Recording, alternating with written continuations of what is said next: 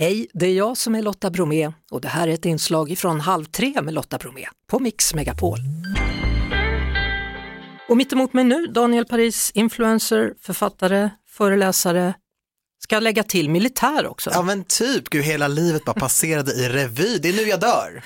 Välkommen till Halv tre. Tack. Ikväll börjar Kompani Svan och jag Ja. undrar vad är Kompani Svan? Ja gud, mitt, min mest omvälvande upplevelse någonsin. Min nära döden upplevelse, mitt crescendo. Nej men det är ett helt otroligt program på kanal 5 där vi är 12 personer som drillas av militären typ och utmanar oss själva i fysiska och psykiska i allra högsta grad utmaningar. Men, men Svan då är ju Gunde Svan, är han så Ja. kallad låtsasmilitär då eller? Nej men han är ju major och sen har vi Mikael Tornving som är kapten. Åh herregud. Ja, wow. Vilket verkligen. gäng! De är ju mysiga i andra format, men här var de ju lite mer eh, bestämda om man säger så. Har du gjort lumpen? Nej, jag har inte ens mönstrat. Jag blev kallad och så gick jag till min kurator och så sa jag så här, jag bara, jag är kallad till mönstring. Och då tog hon kontakt med dem. Hon skrev ett brev och sa inte vad det stod i brevet, men jag fick hem ett brev från Försvarsmakten där det stod, på grund av de omständigheter som du har sagt så behöver du inte komma. Vad, vad, vad var det för omständigheter Jag- jag- tror du? Homosexualitet? Jag vet inte, vad kan det ha varit? Det Jag finns vet ju inte. gays i armén. Ja, numera i alla fall. Numera. Ja. Men det var också det jag kände. Jag vill ändå visa att så här, man, man, det finns plats i Försvarsmakten för någon som mig. Ja, nu när du har gjort det här då, kan du inte tänka dig att söka in nu? Jo men kanske det, och tjäna mitt land. Det, det vill jag ju faktiskt göra. Men du, vad har ni fått göra?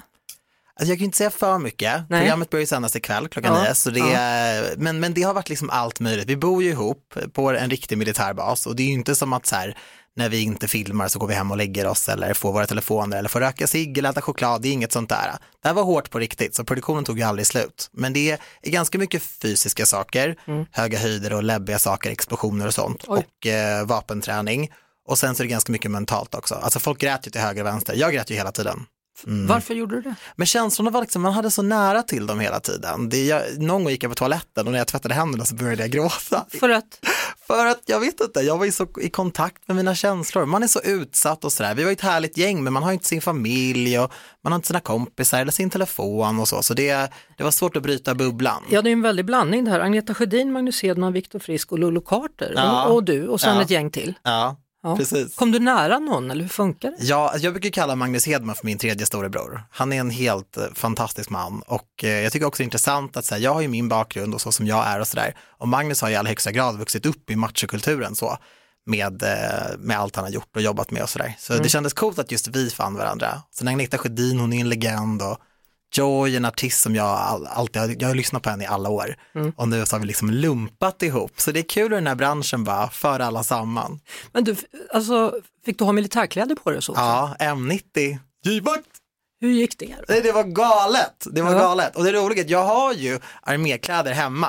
Lite så här, eh, ja men du vet en sån här arméjacka från Acne och sådana där saker. Jag kastade ju allt det där när jag kom hem.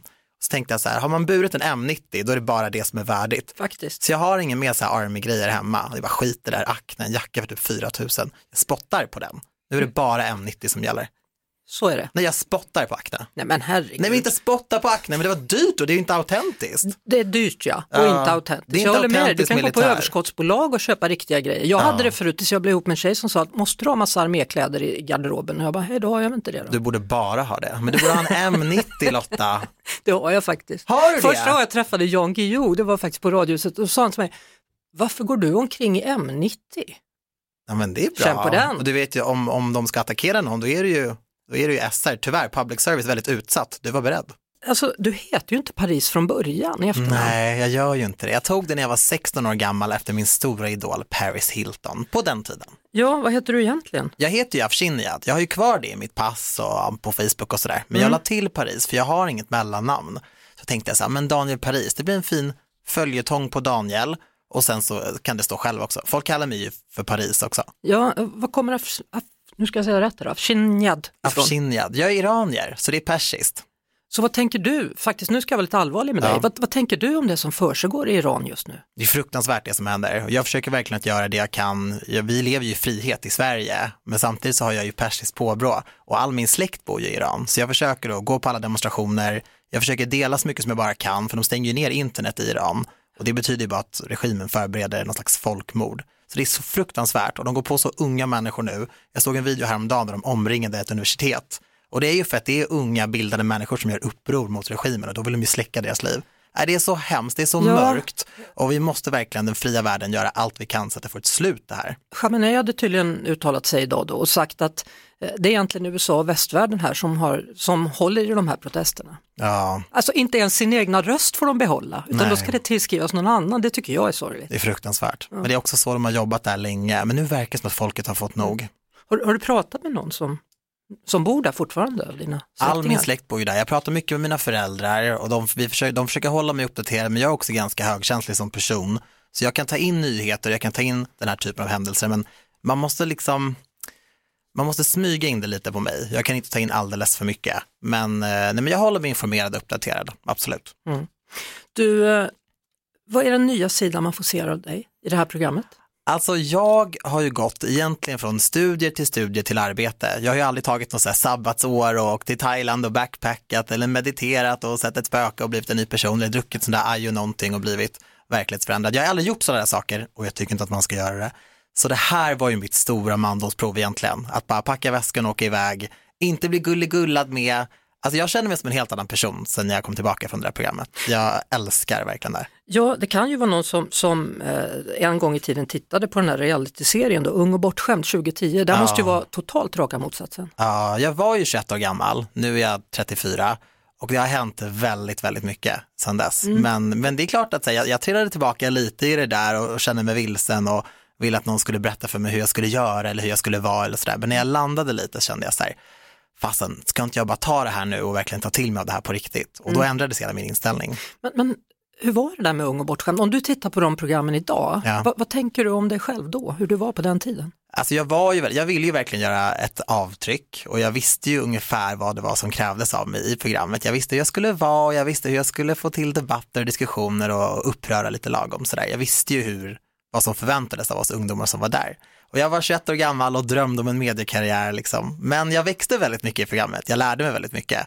Och jag har saknat det där, att känna så här, jag packar väskan, jag åker iväg, jag, jag gör någonting, något stort som verkligen kommer förändra mig. För jag har inte gjort det, jag har inte rest särskilt mycket, jag har inte åkt iväg, jag har inte stängt av telefonen på det sättet. Då kände jag så här, det här kan nog bli den grejen, Kompani Svan. Kompani Svan. Ja, men det var, det var ja. verkligen på riktigt. Alltså, det låter som att det bara varit en tv-inspelning, men alltså, ni kommer se det sen och man ser också på våra ögon sen efter ett tag att så här, när det la sig, när vi, inte, när vi insåg att det inte är, vi inte är här för att göra tv så att säga, då hände det något. Vad är det som händer? Ja, massor Lotta Bromé. Hus i helvete, nej jag skojar, nej det gör jag inte, men, eh, men väldigt mycket. Jag känner mig som en ny människa, jag kan sakna det där. Kompani Svan är alltså nya programmet och om ni också känner igen Daniel, då kanske ni har sett honom i Postkodlotteriet, för där springer du också runt och jag springer gör runt. människor glada. Ja. ja. Du, hur ska man göra för att utmana sig själv? Vad har du för råd slutligen?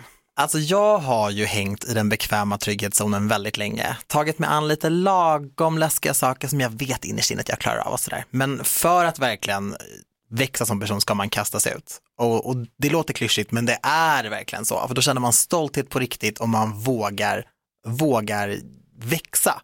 Man växer inte annars. Och det, jag kan ångra att jag inte gjort det tidigare, att jag bara väntade tills jag var 34. Men det är så här, ja, det här fick ju bli startskottet då. Mm.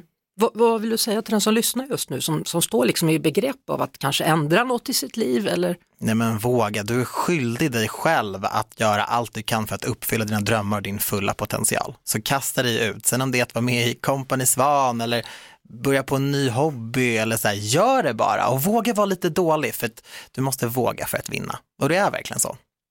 Tack så mycket för att du kom hit Daniel Paris. Tack för att jag fick komma. Hoppas se dig igen. Ja. Det var det. Vi hörs såklart igen på Mix Megapol varje eftermiddag vid halv tre. Ett poddtips från Podplay.